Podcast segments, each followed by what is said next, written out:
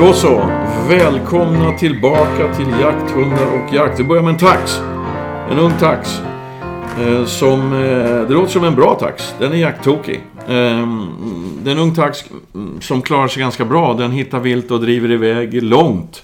Eh, men det har lett till att hundföraren, killen som äger taxen, är, blir orolig. Ehm, taxen är långt borta och det är vägar och det är lite allt möjligt liksom. Kommer den inte att hitta hem och... Eh, hur, hur hämtar man en hund alltså? När man måste hämta den. Han känner att jag, den är för långt bort nu. Jag måste få in hunden här. Ja, som, som vanligt då så tycker jag man ska tänka logiskt. Alla hundar har en bra näsa. Alla hundar kan lära sig att ta sina egna bakslag tillbaks. Alla hundar, oavsett ras. Det är i alla fall min erfarenhet. Eh, så vad man inte ska göra, det är att hämta den här unga taxen vid sidan om taxens egna bakslag. Måste man, känner man att jag måste rädda taxen här nu och man kastar sig i bilen och så åker man närmare taxen då. Ehm, eh, då ska man alltså inte åka bil hela vägen fram och stå på vägen och hojta in taxen, för då tar man den inte på bakslaget. Vad man ska göra är att man ska ta sig närmare taxen på något sätt. Antingen gå i drevlöpan, gå i taxens eget slag, för det har man ju, ser man ju på pejlen. Ehm, så att man kan ta taxen på bakslaget. Och man måste ta bilen runt och åka runt. Då ska man stanna bilen ganska långt ifrån. Och så ska man springa in i skogen så att man kallar på den här unga taxen i taxens eget slag. Jag tror inte hundar är så eh, himla medvetna om hur långt de har gått alltså. Eh, utan de, har, de kan det där. När jag är färdig i skogen så tar jag mitt slag tillbaks. För där finns husse och matte och kärlek och vänskap och mat och varma bäddar och skydd. Eh, men om det är fem minuter gång i bakslaget eller två timmar, det tror jag inte hunden bryr sig, bryr sig om. Så, så bara man är på hundens eget slag, nära hunden, då gör man rätt. För så småningom när den här taxen blir fem år och superrutinerad, då, kom, då kommer den gå tillbaka själv två mil, det är inga problem. Om husse och matte blir oroliga, ja in på bakslaget. Det är mitt absoluta råd. Och då för att repetera det vi har pratat om igen tidigare. Det här generellt att hämta hundar med bilen. Ja, det är kanon om man vill, vill lära hunden att så fort hunden är trött, det enda man behöver göra är att uppsöka en väg och sätta sig och vänta. Eh, hundar gör det som ger vinning, alltså så är det. Men, men sen måste jag också skjuta in här nu, alltså det är dags igen att göra det. Att, eh, jag har ju mina idéer om hur man löser det här. Det finns ju sjukt mycket duktiga hundmänniskor som har andra idéer, men så skulle jag göra. Eh, du, det där med tax tänkte jag på också. Eh, jag har en kompis som har tax och den här taxen eh, får ofta problem med ögonen. Eh, av den enkla anledningen att den jagar i biotoper där det är väldigt trångt och det är, du vet, det är massa gräs och det är vetefält och det är allt möjligt. Som, och den, jag har lärt den hundföraren, tipsat om det här med att ha koksaltlösning i fickan så man spolar rent ögonen.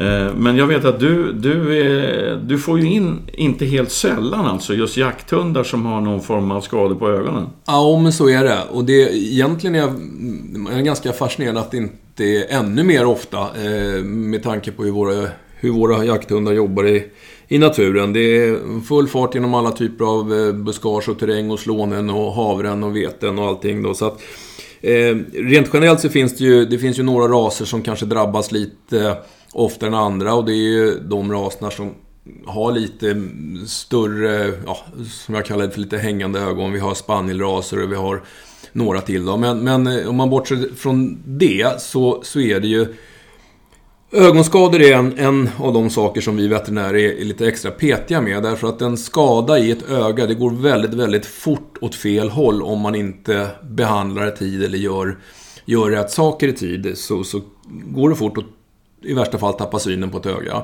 Och det finns ju två saker som, som eh, drabbar våra hundar. Det ena och det som är vanligast, det är ju att eh, de springer i terräng eh, och det lägger sig något litet frö, något litet ax, något litet blad som lägger sig i ögonvrån, alltså mellan ögonlocket och själva ögat, eller hornhinnan.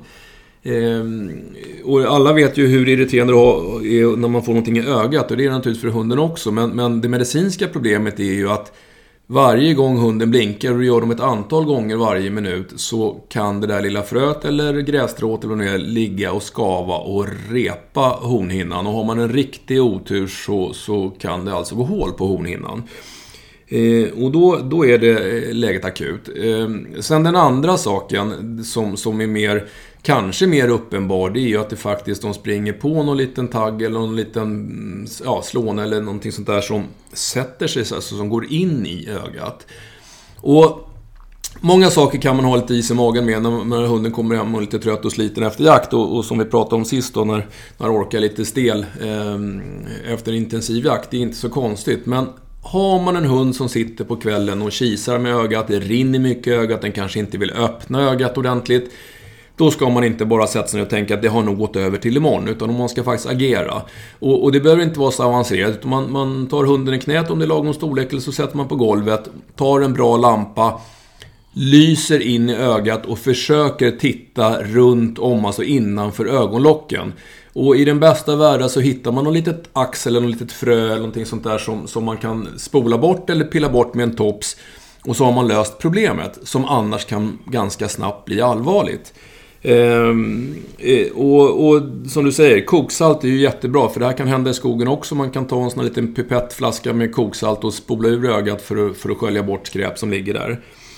Det andra då, att det sitter någonting. Jag ser att det faktiskt sitter en, ett barr eller en, en slånetagg som sitter fast in i hornhinnan. Den ska man inte plocka bort. Därför att får man för sig att det är skönt att bli av med den där och så drar man ut den i den mån man kommer åt att dra ut den så, så kan man ju tycka att man gör en god gärning. Det gör man inte. Risken när man drar ut någonting, alltså ögat är fyllt med någonting som heter kammarvätska. Och drar jag ut den där så finns det en stor risk att kammarvätskan läcker ut i det hålet som, som blir kvar. Eh, och då faller ögat ihop. Det tappar trycket helt enkelt. Och då eh, sitter man på pottkanten. Det där måste man göra som veterinär som sitter med en minimal nål och en minimal tråd och sätter några stygn i hornhinnan när man har plockat bort det där då. Så budskapet är helt enkelt att ögonskador, har hunden problem med ögonen, gå inte och hoppas att de försvinner. Börja med att checka om du kan hitta orsaken. Och gör du det så kan du många gånger lösa problemet själv. Och i annat fall så är det veterinär som gäller. Ja, men alltså man ser ju ofta alltså på... Jag spolar mina hundar åtminstone under var tredje jakt som vi är ute på. Alltså de, de, de utsätts ju för enorma påfrestningar. Ja, ja alltså. nej, men det, det är som sagt mm. konstigt att det inte händer oftare. Det är det här klassiska, vet du, som när man... Eh, I början på augusti, eftersom vi får släppa vildsvinshundar i början på augusti, så så brukar jag få telefonsamtal från desperata, framförallt unga hundförare som säger att min hund jagar inte vildsvin längre. Um, den jagar som fan i januari och nu, så jag ser ju grisörarna i spannmålen men, men hunden, ja den går in och så går den ut. Den vägrar ta an vildsvinen. Då har man glömt att människor står upp och har ögonen väldigt mycket högre upp än hundens ögon. Så man, rådet till en sån hundförare är att ner på alla fyra, kryp rakt genom vetefältet. Och vi snackar inte ekodlad vete här alltså. Eh, om hundföraren gör det så kommer han komma fem meter in i veten, börja grina, resa sig upp och springa därifrån. alltså det är jättejobbigt för hundar alltså. Eh, de vill ju se också hundar. Ja, ja. Alltså de använder ju framförallt näsan och kursen för att lokalisera vilt, men de vill också titta. Och springa genom ett tätodlat vetefält med ögonen öppna, ja. det vill jag inte rekommendera någon. Nej. Um, du, jag, har fått, jag får ofta frågor eh, om det här med hundar som inte går fint i koppel. Ja. Och det är ingenting som jag tänker svara på här, för det är en viss teknik som man måste visa hur man gör. Det handlar inte om att rycka hunden bakåt alltså, men jag ska inte gå in på det. Däremot så har jag en tanke om det där med koppel. Jag undrar varför människan har bestämt att alla hundkoppel som du kan köpa i butikerna, de är mellan 1,8 och 1,9 meter långa. Vem fan har bestämt det? Ja, fråga inte mig för jag har inget svar på frågan. Nej, men det är någon sorts praktisk grej liksom att koppel ska ha en viss längd. Punkt. Jag har tre olika längder på koppel. Jag har ett vanligt koppel som är 1,8 meter långt eller möjligtvis 1,9 meter långt. Men väldigt ofta använder jag ett koppel som är 5 meter långt och lika ofta ett koppel som är 60 centimeter långt. Mm. Beroende på situation. Mm. Och alla de här kopplen de sätter jag fast i en liten karbinhake som är hängande i bältet. Mm. Så jag ska slippa hålla på och jucka med handen hela tiden. Mm. 60 cm är perfekt om det är trångt, mycket folk, mässor och annat. Va? Man knallar. Eh, Då slipper man ju trassla med det här 1,8 meters kopplet. Och har jag jättemycket space men ändå måste ha hunden kopplad, ja då är det 5 meter koppel som gäller. Variera kopplets längd, det minskar koppelproblematiken enormt. Punkt, inget mer om koppel. Men du, förresten, en grej till om koppel. Eh, det var en polare som var ute och gick med sitt 1,8 meters koppel bara häromdagen. Nu är det ju höst för fan. Ändå var det så att hunden kastade sig ner i, i, någon, i något hie, någon blåbärsris eller någonting. Eh, vid sidan om den här stigen de var ute och promenerade. Och blev huggormsbiten. Pang! Så här års. Hur vanligt är det? Nej, det är ovanligt. Det, nu har det varit några varma dagar här och, och de är väl på, på upphällning, eller på att säga. Det är de ju inte, men, men de börjar väl lägga sig för vintern. Men det, är, det här det är ovanligt sent. Ehm, vi brukar ju få huggormsbetten lite grann beroende på klimat någonstans. Ja, mars, april. Eh, det skiljer sig säkert i olika delar av Sverige. Eh, och sen normalt sett så ebbar det ut i augusti-september, men det förekommer uppenbarligen fortfarande. Och, och då... Ja, det här med huggormsbett är ju en, en av mina Eh, ja, käpphästar brukar jag säga. Men, men eh, för det är en, en eh, väldigt, väldigt vanlig problematik hos hundar generellt och kanske ännu mer hos jakthundar. Framförallt nu när vi har, eh, än så länge i alla fall, möjlighet att släppa vildsvinshundar redan 1 augusti.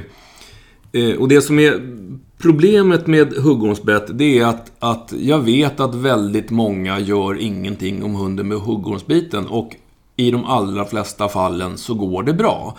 Eh, men det finns ett antal fall varje år där det inte går bra, där hundar faktiskt dör av huggormsbett. Så att, så att mitt budskap är, eh, nummer ett, att ta huggormsbett på allvar. Därför att det är ett väldigt potent gift.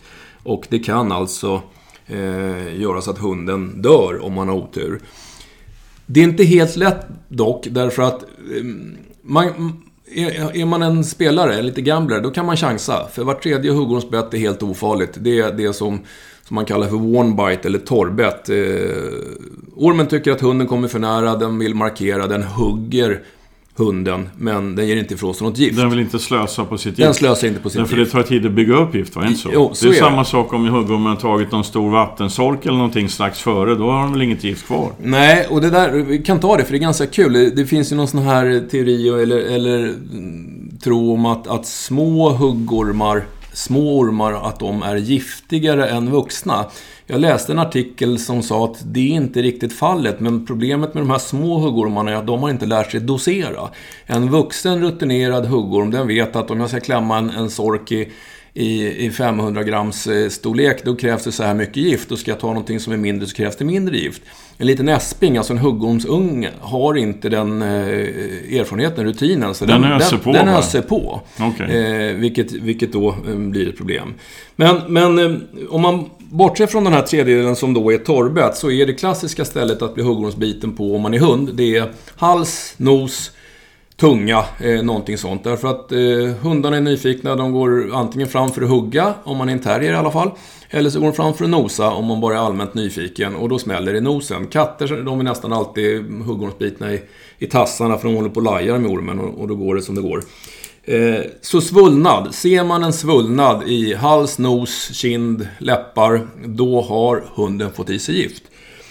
Och då finns det nästa sanning då. Man ger kortison.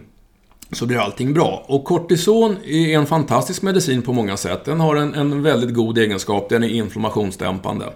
Den, den trycker ner kroppens immunförsvar eh, och dämpar en inflammation. Men den hjälper fan inte mot huggormsgift. Inte ett dugg. Därför att huggormsgiftet har två verkningsmekanismer egentligen. Det kan påverka hjärtat, man får oregelbunden hjärtfrekvens. Man kan få så kallad extraslag, eh, så att cirkulationen blir påverkad. Och den kan också, eh, giftet kan också påverka blodkärlens ja, täthet, eller permeabilitet som man så fint säger då. Alltså att blodkärlen kan börja läcka. Eh, och, och i normal- Vadå? Det rinner ut blod rakt genom kärlväggarna? Jajamensan. Och det ser du oftast inte, för det här sker ju inne i kroppen. Du har inte så mycket blodkärl som, som sitter i, i, i huden och pälsen som börjar läcka, utan det här är ju oftast inre blödningar. Eh, och har det gått så långt att det här sker, då är hunden ganska illa ute. Och som sagt, eh, kortison i all ära, men det hjälper ingenting mot inre blödningar eller påverkan på, på, på, hjärt, på cirkulationen. Men det finns ju serum mot det där, men, men det är ju det är inte det första ni använder om ni får in en huggensbiten hund. Nej, som, som, som det ser ut då, det, det man gör när hunden kommer in, eh, man konstaterar, eller åtminstone en höggradig misstanke om att den är huggormsbiten. Då är det en, en eh, ja, kallar det för en basbehandling. Man lägger dem på ganska stora mängder dropp. Droppet eh, fyller två funktioner egentligen. Dels så bibehåller man ett bra blodtryck och en bra cirkulation. Eh, och dessutom spär man faktiskt ut giftet. Eh, och sen får de smärtlindring, för det kan människor vittna om som har blivit huggormsbitna. Det gör ont att bli huggormsbiten. Svullnaden och giftet, alltså det smärtar vid bettstället. Eh, sen det som vi gör som, som är kanske det viktigaste, det är så kallad monitorering. Alltså vi har en regelbunden tillsyn på de hundarna. Eh, där man kollar andning, puls, eh, blödningstendenser och så vidare. Vi kopplar upp dem på EKG så vi kan följa hjärtfrekvens och se om de får några extra slag eller andra cirkulationsrubbningar. Och om man har en hund som inte svarar på den här basbehandlingen utan man märker att det här går åt fel håll. Då ger vi serum eller antiserum om man ska vara korrekt som helt enkelt binder upp ehm, de här toxinerna, de gifterna i kroppen. Och varför vi inte ger det till alla, det är därför att eh, en, en dos serum kostar någonstans runt 10-11 000 kronor. Ehm, det är faktiskt ganska få, det är knappt 10% av alla huggormsbitna hundar som behöver serum, men det är ett fantastiskt bra eh, redskap att ta till när det behövs. Eh, så, att, så, så, mitt budskap är egentligen, ja, man kan ge kortison om man vill få ner en svullnad, men man har fortfarande inte löst problemet med huggormsgiften. Så att, tror ni att er hund har blivit huggormsbiten, kontakta veterinären. Sen är det så, små hundar, liten kroppsvikt, de drabbas normalt sett värre än stora hundar. Det handlar om koncentration i, i, av giftet i, per kilo kroppsvikt. Det är tur att man är jakttokig för det här låter ju jobbigt. Man vill ju inte vara i skogen för fan under huggormssäsongen. Nej, men, men det har ju sina fördelar. Ja, det är helt klart. Helt klart. Ehm, vi har en fråga till som, som är nog mest lämpad för det. Men, men vi kör en musikpaus först. Ja, det gör vi.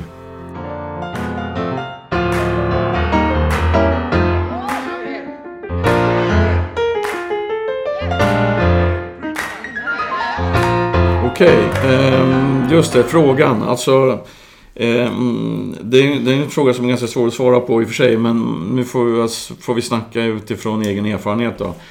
Eh, hur stressat blir egentligen viltet när det blir jagat av hund? Och, och, det där är ju, det där är ju alltså en jättesvår fråga alltså. Man jagar ju ibland, ibland så, mm, mina spetsar alltså, då ställer de en älg eller ett vildsvin.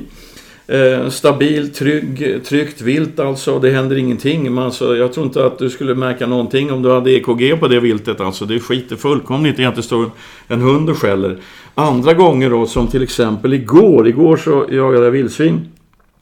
Eh, tillsammans med en annan hundförare och hans hund. Och eh, den killen sköt till slut en 60 kilos gris för sin hund. På ståndskallin vass. Ehm, det var inte särskilt svårt, därför den, det vildsvinet var väldigt trött. Alltså jag vet inte hur stressat det var, men det var definitivt slutkört alltså. Efter att ha blivit jagad då i två timmar av en enträgen, envis hund då, som hade... Och det är den typen av hund som vill få loss vildsvin alltså, som inte står och skäller ståndskall bara, utan verkligen vill få loss. Så att det är klart att viltet blir stressat. Det, det där, jag tycker man ska ha, ha det i åtanke. Det är därför jag är lite tveksam ibland till att man jagar med, med extremt snabba högbenta och alltså jakttokigt envisa hundar mm. på visst vilt. Mm. Alltså, jag har ju sett, som exempel så har jag själv varit med och sett alltså ett ungt vildsvin som självdog helt enkelt. Efter att ha blivit driven av en stövare i ett antal timmar. Mm. Pumpen slog ihop helt enkelt. Det viltet är inte anpassat för att springa fort långa sträckor.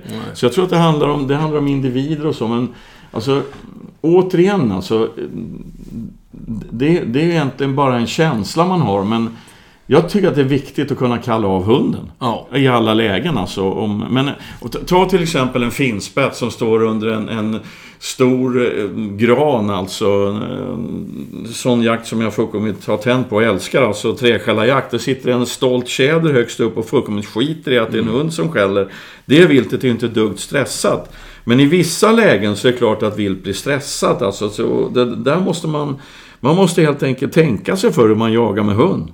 Jag tror att, eh, och det har vi sagt tidigare också, vildsvin hör ju faktiskt till, ja det är nog det djurslag som, som det är inte byggt för några långa flyktsträckor. Det, det kan vara explosivt och blixtrande snabbt på korta sträckor men, men eh, de är ju inte byggda för att transporteras eh, längre sträckor och korta ben och som du säger, långbenta hundar, det kan bli nog så, så påfrestande. Jag menar, du kan ju det där med hur, hur djur och människor ser ut invärtes. Jag menar, det är bara att när man, nästa gång man, man tar ur ett vildsvin och tittar hur, hur små lungor de faktiskt har ja. i förhållande till kroppsvikten. Ja, ja. Ehm, så att ehm, det är därför jag gillar att jaga vildsvin med ståndhundar. Men, men alltså det är en annan grej också med, med det som hände igår. Igår var det vassjakt. Mm. Alltså det var, jag var inne på en meter från vildsvin framför min jämte och jag kunde inte se grisarna.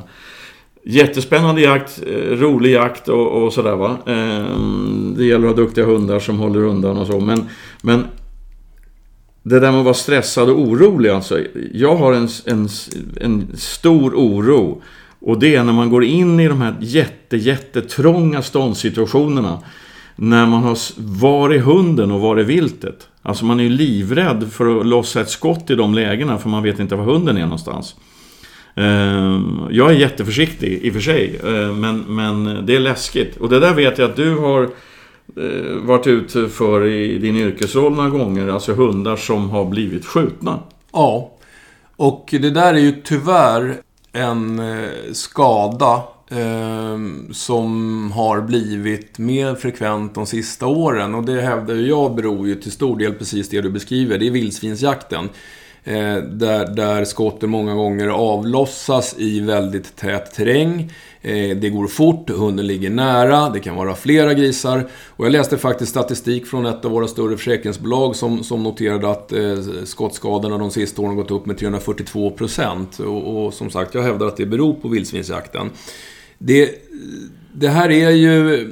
Nu, nu kan vi ju inte visa bilder, men du har ju sett en del bilder på skottskadade hundar som jag har med husse eller mattes godkännande tagit på jobbet. Och eh, det är frapperande ofta som skytten eh, inte alls har uppfattningen att hunden har blivit skottskadad. Därför att det är stress, det går fort, det är nära, det är trångt.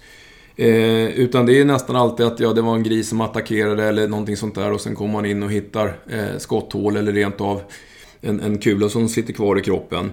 Eh, och, jag menar, du och jag har ju hundar som, som eh, i princip bara jagar vildsvin och, och, jag är ju lite petig när det gäller min hund. Alltså det, det är inte många skyttar som jag tillåter gå in och skjuta på ståndskall, även om jag befinner mig långt bort. Därför att man ska vara eh, rutinerad i den här typen av miljö, med den här typen av vilt. Eh, för att hundarna ligger nära, det är trångt och bara för att man ser grisen eh, och inte hunden så betyder inte det att hunden är inom skotthåll bakom. Nej, men det kan ju vara stenar bakom och det är rikoschettrisk och det är massa andra saker. Jag tycker att, att skjuta en älg från ståndhund är ju eh, riskfyllt, men det är ju betydligt mindre riskfyllt än när vi jagar vildsvin. Ja, så är det. Eh, så är det ju. Men, men, men sen finns det ju massa andra situationer.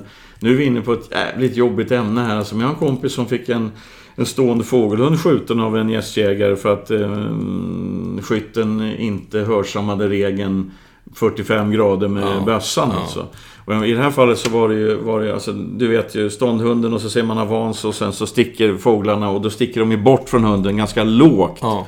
Eh, och har man en hund då som reser efter viltet som inte är fast liksom i, i uppfloget, va, då, då finns det en risk där. Mm.